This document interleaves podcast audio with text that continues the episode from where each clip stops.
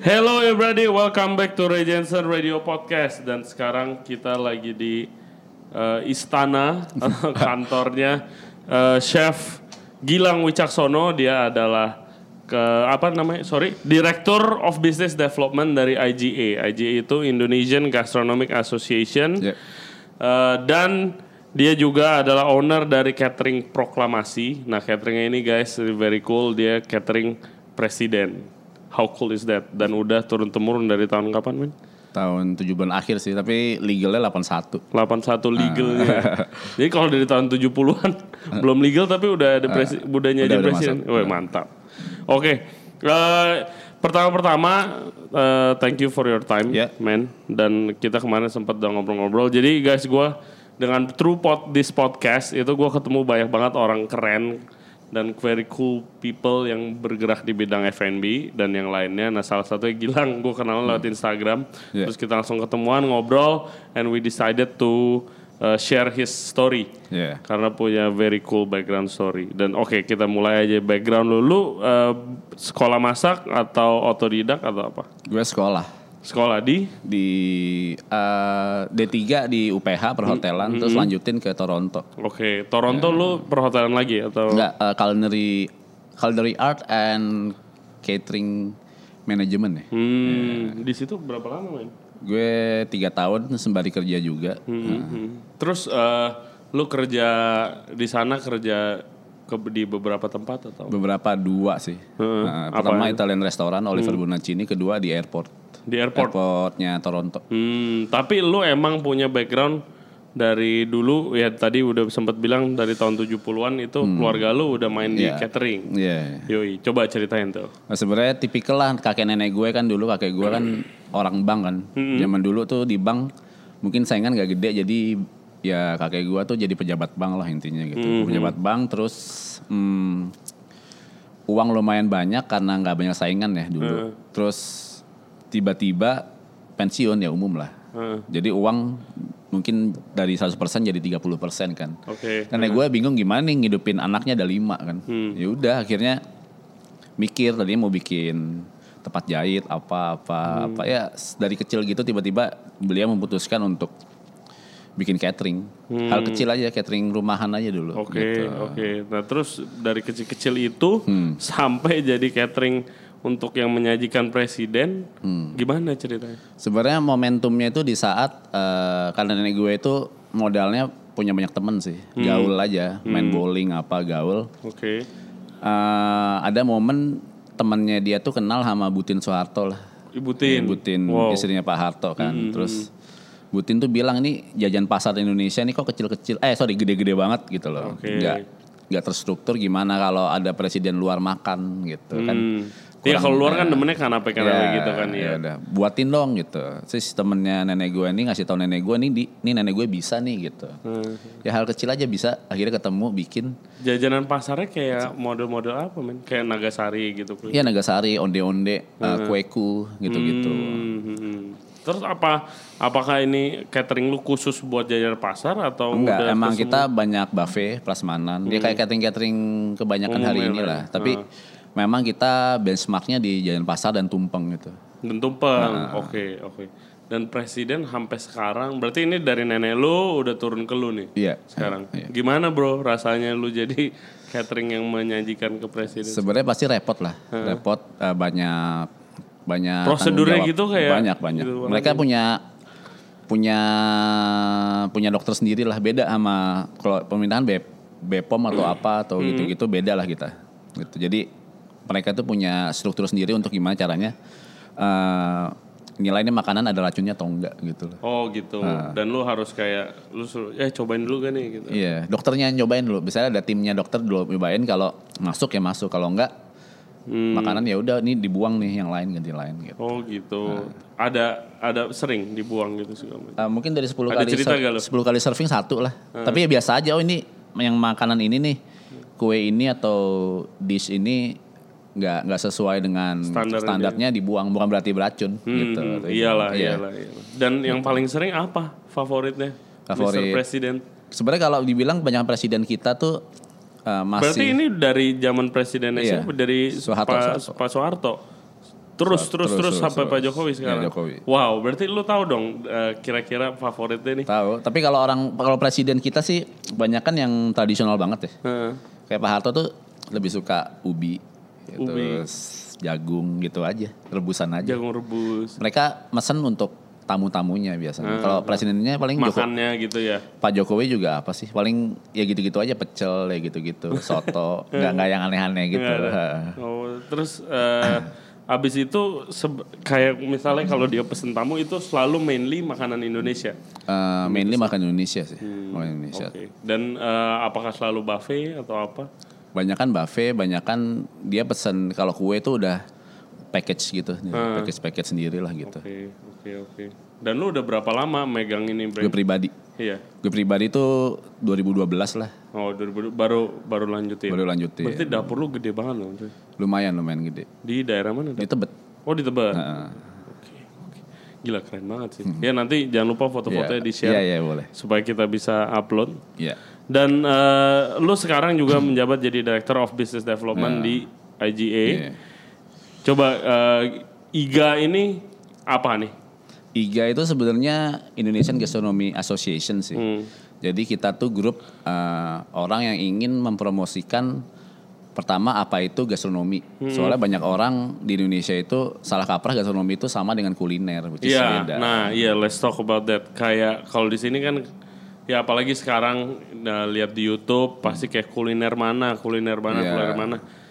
Justru kata gastronominya nih kayak Iya. hilang gitu kan. Gastronomi emang bahasa Inggris kan. Indonesia itu boga sebenarnya. Iya. Heeh, gitu. Jadi kita mau mencoba mempromosikan lah kalau kita pakai gastronomi. Kalau kuliner kan cuman kayak gua atau lu masak itu kuliner. Tapi kalau gastronomi itu all uh, the art of, of about it gitu. Iya, ada yang kayak gastronomi itu guys yang kayak the whole package Iya. deh. Jadi kayak kalau ada sebuah makanan, ya kan, sebuah makanan atau minuman itu dari sejarahnya, Iya. cara bukan cara pembuatannya doang, tapi kayak sejarahnya kenapa nih bisa ada ini makanan, kenapa bisa ada minuman, dan juga konteksnya siapa yang bikin, kenapa dibikin, Hmm. Iya, iya. dan lain sebagainya itu gastronomi kan. Dan ini Iga ini berarti enggak bukan cuma chef doang kan yang ikutan. Bukan. Siapa aja sebenarnya yang sebenarnya punya peduli akan gastronomi Indonesia sih. itu aja. Tapi ujung-ujungnya ya pasti yang banyak berjalan ya orang punya background makanan. Gak harus yang masak, bukan Iya chef. yang juga. demen makan Iya. atau apa gitu kan. Dan Iya, iya. eh, lu programnya gimana bikin acara? Ya, sebenarnya kita ini bekerja sama dengan kementerian sih. Eh, pastinya Kementerian Pariwisata, Kementerian Luar Negeri, Kementerian Sekretariat Negara gitu. Dan kita memang mencanangkan untuk yang menjelaskan gastronomi itu apa gitu. Nah, emang kita bikin event-event ya acara makan-makan yang ada eh, sisi edukasinya lah gitu. Misalnya food pairing gitu-gitu. Yang gimana caranya?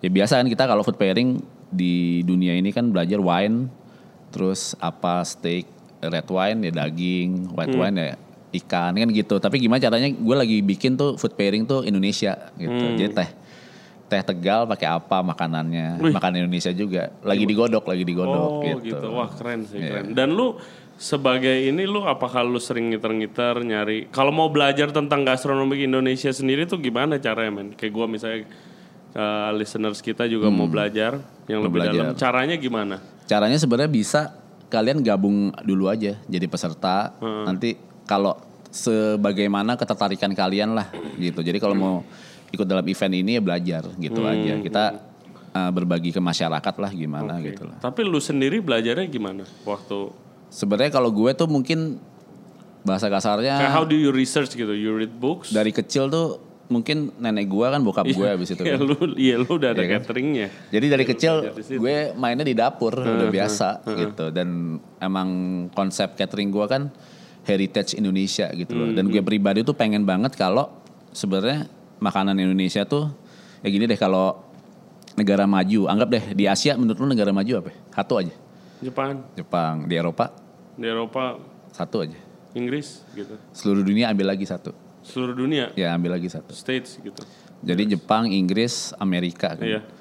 makanan dari negara-negara ini kan terkenal pasti ada ada satu terkenal banget di Jepang sushi, Inggris apa, Amerika apa gitu. Nah, kadang tuh kita mungkin kita lagi berkembang kan. Itu makanan kita tuh dari bangsa kita sendiri tuh masih dianggap sebelah mata oleh kita sendiri gitu. Hmm, Jadi mereka kita menganggap makanan luar tuh modern padahal makanan kita nggak modern. Sebenarnya menurut gue tuh salah gitu. Jepang kan sushi kan dianggap modern padahal itu kan makanan lama juga. Hmm. Iya, gitu. iya itu makan iya itu udah dari Hamburger apa pizza yang- itu kan makanan rakyat lah zaman dulu. Tapi karena negaranya maju, mereka bisa memajukan makanan itu. Yang makanya pengennya kita nih sebagai apa ya orang-orang di bidang makanan di Indonesia ini, menurut gue harus memajukan atau membanggakan makanan kita sendiri Yes. dulu. Nah itu caranya gimana ya men? Jujur itu topik itu sering naik nih di podcast Hmm. ini, gitu. Our listeners pasti tahu juga gimana kayak eh, makanan kita supaya di appreciate Yeah. more, gitu. Gua yang sebagai gua punya eh, restoran Indonesia itu ya sering dapat komplainnya yang kayak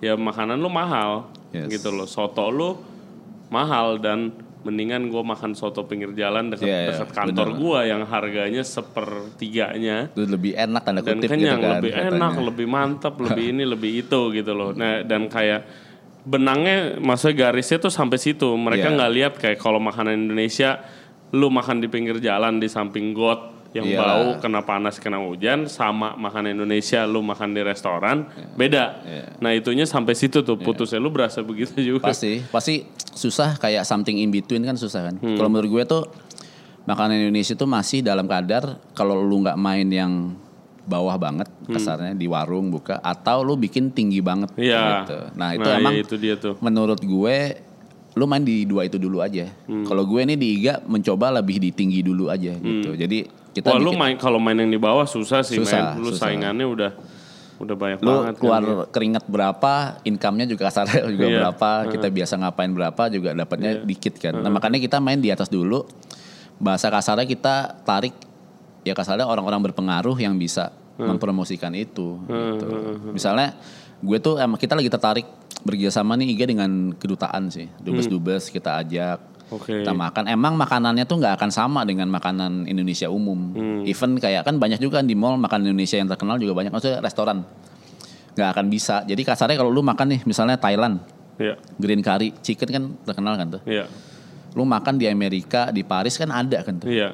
Nah tapi kalau lu ke Thailand sendiri, apalagi di rumah orang yang bikin itu yang enak banget, bentuknya pasti beda. Udah pasti. Ya, kayak opor gitu kan. Maksudnya lu makan opor di rumah misalnya eh, kan ada pahanya utuh, ada dadanya utuh. Tapi once gue tuh pengen pikiran di negara mana kita buka restoran Indonesia yang makanannya tuh mungkin opor tapi ya udah Udah diadaptasi daging dengan ayam, sana gitu daging kan. ayam, eh sorry, dada ayam yang udah di fillet gitu Iya, kan. Ya iya. kayak green curry chicken. Itu gue belajar banget dari Thailand sih gitu. Iya sih, ya Thailand very good buat kayak mo- memodernisasi kan. Soalnya kalau di seluruh makanan dunia kan makanan Asia yang dari bawah banget bisa naik kan itu kalau itu Cina dan India. Hmm, Dan Cina India itu kalau kita tahu, setahu gue ya, itu uh, mother nature-nya of makanan di Hmm. mana-mana. Jadi orang bule mungkin bisa sekeren ini belajarnya dari Iya. mereka. Mungkin dengan konsep penjajahan. Iya gitu kan. dan semuanya beda sih guys. Jadi kayak makanan eh, yang tadi Gilang bilang tuh bener banget. Jadi kayak misalnya kalau makanan Chinese pun, Iya. nggak ya makanan Chinese, Jepang, India, biarpun yang kita cobain di sini yang enak,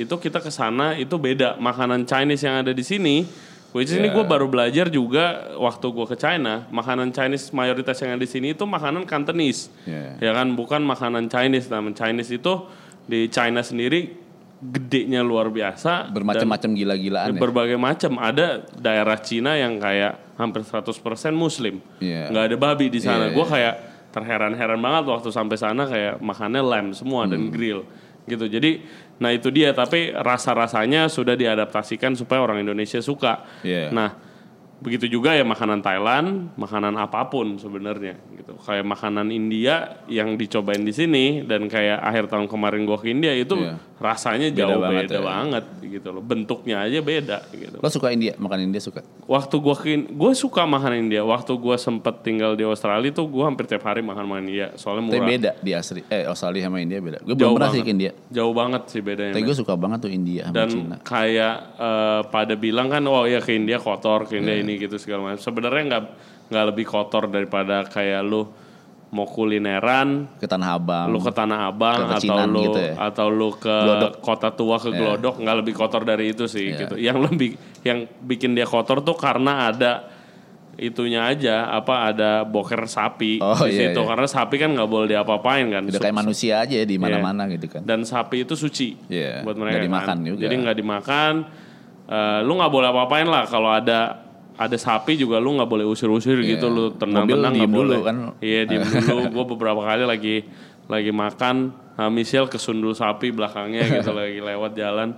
Tapi makanannya is amazing dan kayak banyak yang lu nggak ngelihat, Iya. yang nggak kelihatan juga, yang cuma dijual di sana. Iya. Dan gue waktu ke sana tuh juga gue Eh, emang gue bilang kan gue nyari guide local Iya. guide di TripAdvisor kan terus gue langsung bilang sama dia gue mau belajar masak gitu jadi Oh. kayak dia eh, kayak ada neighbornya dia yang emang Iya. katanya kalau kalau ada acara masak tuh selalu dia yang masak bapak-bapak jadi gue belajar sama dia belajar Keren sih. kari gitu segala macam which is beda Iya. sama yang kayak gue kalau lu lihat di internet gitu bahannya aja Iya. beda spicesnya beda tekniknya apalagi beda gitu kan nah balik lagi ke makanan Indo Eh, lu pernah berasa kayak gini gak sih kan gue setuju banget sama yang lu bilang men yang kayak harus dipresentasikan dengan modern Iya. atau dengan eh, disesuaikan dengan ya target market Iya, di mana pun itu kan iya.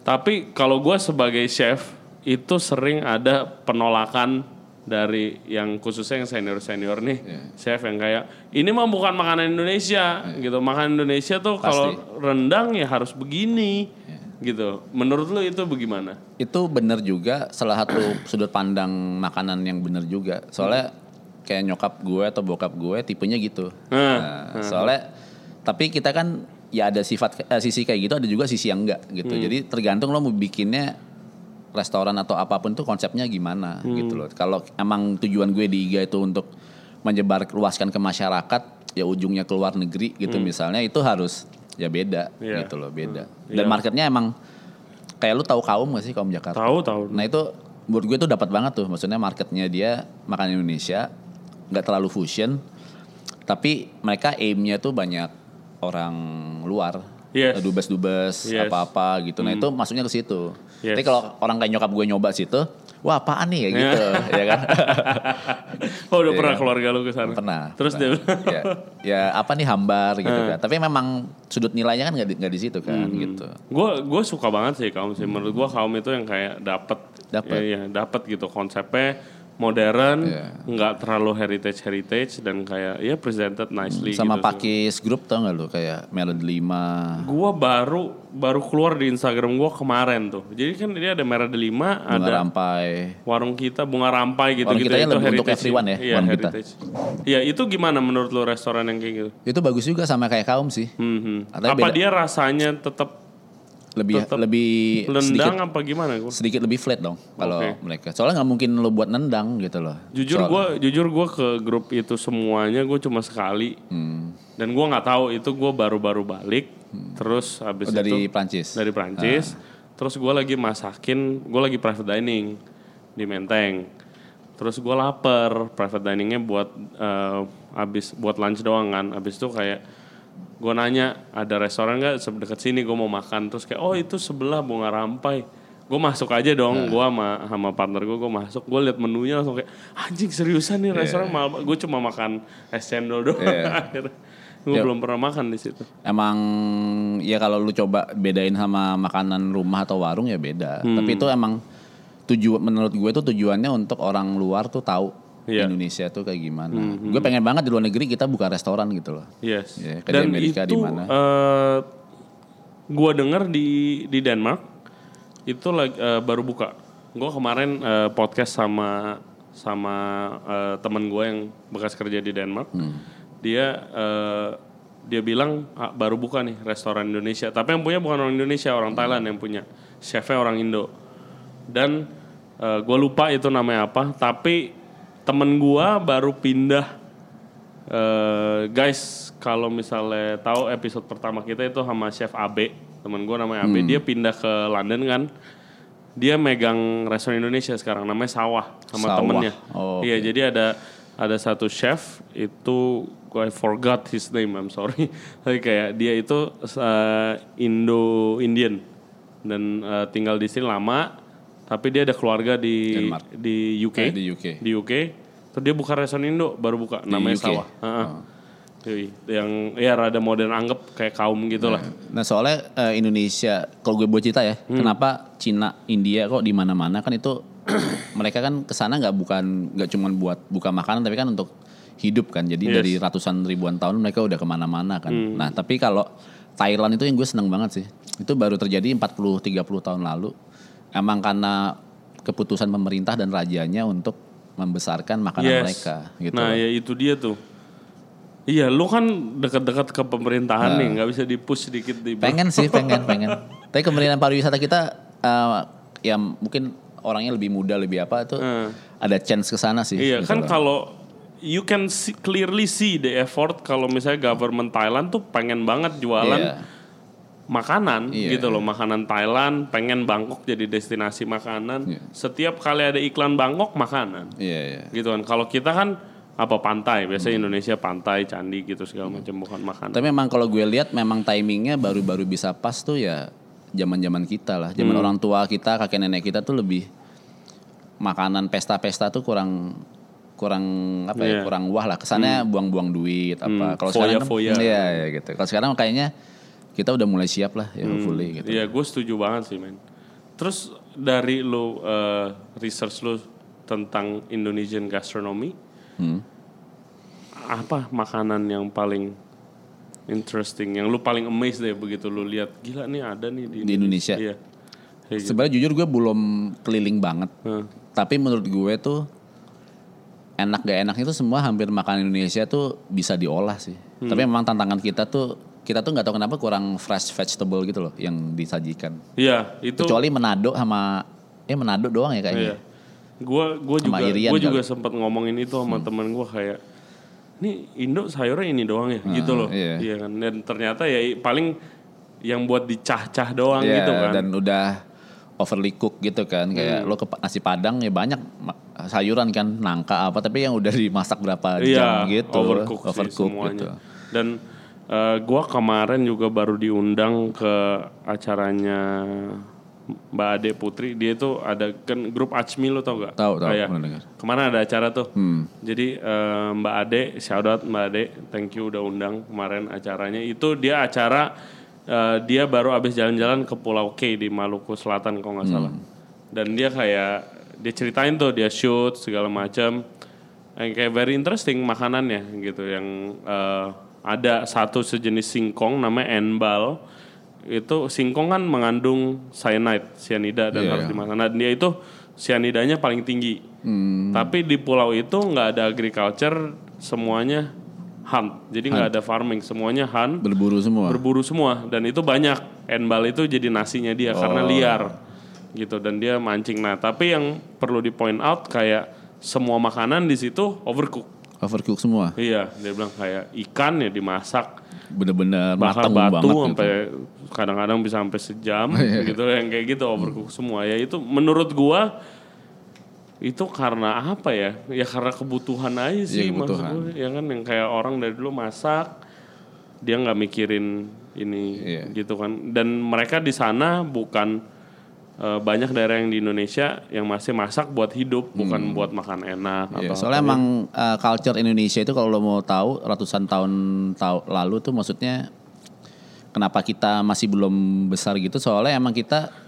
apa ya makan itu salah satu hal yang untuk bertahan hidup aja gitu loh. Kalau kalau lihat Thailand rajanya itu kalau lu dia adain pesta atau apa gitu makanan kan koki-kokinya kan berlomba-lomba bikin makanan enak gitu Yes, loh. Nah kita jarang, malah Oke. kita kebanyakan puasa. Kayak Nah. uh, kepercayaan Hindu apa gitu kan. Iya, Jadi iya, dulu emang kita puasa, makin puasa lu makin bagus, makin banyak makan lu makin iya, makin- nggak menghargai orang lain lah Ya, gitunya gitu. iya. oh iya itu bener juga Itu zaman sih. dulu, zaman sekarang mungkin tapi pasti ke bawah lah ke bawah, ke bawah, ke bawah, ke bawah, gitu. Oke oke oke oke. Dan eh, Iga ada program acara apa lagi nih ke depan? Kita kita udah buat program per tahun sih. Hmm. Memang kita sosialisasi terus. Eh, lagi mau buat food pairing. tapi makanan yang tadi Indonesia. lu bilang. Ha, Heeh, gitu. Kalau lu bikin acara gitu di mana? Di sini. Di mana-mana di sini belum pernah kayaknya ya. By the way guys ini eh, tempatnya keren banget. Eh, adanya di Museum Satria Mandala. Ya. Gokil banget nih kantor Iga nih. Yes. Dan eh, guys di depannya ini ada taman dan parkirannya gede banget. Gue pengen banget bikin acara barbekyuan bakar-bakaran di sini. Soon sih, gue gua lagi gue sama temen gue. Jadi guys, gue sama Chef Jody. Kalian pasti udah kenal dia siapa. Itu kita mau bikin acara eh, bakar-bakaran sate, tapi semuanya sate Indonesia. Nah ini proyeknya Chef Jody sih. Iya. Dia yang kayak selalu ngomongin eh, pengen banget sate-satean Indo dikenal. Ya di sini men Yes. barbekyuan ya kan Keren banget ya. Yoi. Ini kolamnya bisa dijadiin pool. Boleh. well, eh, ada yang mau di-share lagi advice buat listener-listener gua mungkin Apa ya? Ya mungkin ya cintai makanan kita aja sih, makanan Indonesia juga. Walaupun gue tahu hampir semua dari kita tuh pasti makanan-makanan kita kan di rumah, ya kan. Tapi tanda kutip untuk membanggakannya itu kadang kita masih banggain makanan luar Iya sih. gitu. Gue kayak eh gue tuh dulu hampir tiap hari makan tempe tahu di Iya. rumah, hampir tiap hari gitu loh. Dan kayak eh itu gue berhenti karena oma gue yang biasa masak meninggal aja. Oh. Oma gue meninggal terus, tapi gue baru sadarnya nih kayak udah mau setahun dua tahun dia meninggal kayak gue jarang banget makan Indo nih sekarang di rumah karena nggak ada yang masak gue ah gojek Iya. gitu kan. Kalau masih masak tiap hari. Eh, enggak sih, karyawan gua. Ya, juga gitu. Well, Yeah. oke. Uh, I hope IGA Indonesian Yes. Gastronomic Association sukses, semua targetnya tercapai dan juga uh, proklamasi catering Amin. proklamasi makin sukses. And thank you very much for your time Yeah. and your hospitality, man. Ada lagi yang mau di-share? Udah itu aja. Oke, thank you very much guys for listening to our podcast today. Jangan lupa subscribe Jensen Radio di YouTube, like dan komen. Follow kita juga di, Yes. di Instagram Yes. di Jensen Radio. Follow kita di Spotify, Apple Podcast, Google Podcast dan Anchor app. Follow juga Gilang. Gilang, ya. Namanya oh Gilang, aja ya, iya. Anak- Nama di anak lama Instagram. Gilang aja. Gila anak lama banget. Oke. Dan eh, Indonesian Gastronomy Association ada Instagramnya? Ah, ada Indonesian Gastronomy Association. Oke, nanti Cari kita share semua. Thank you very much guys. Oke. See you next time. Bye. Bye bye.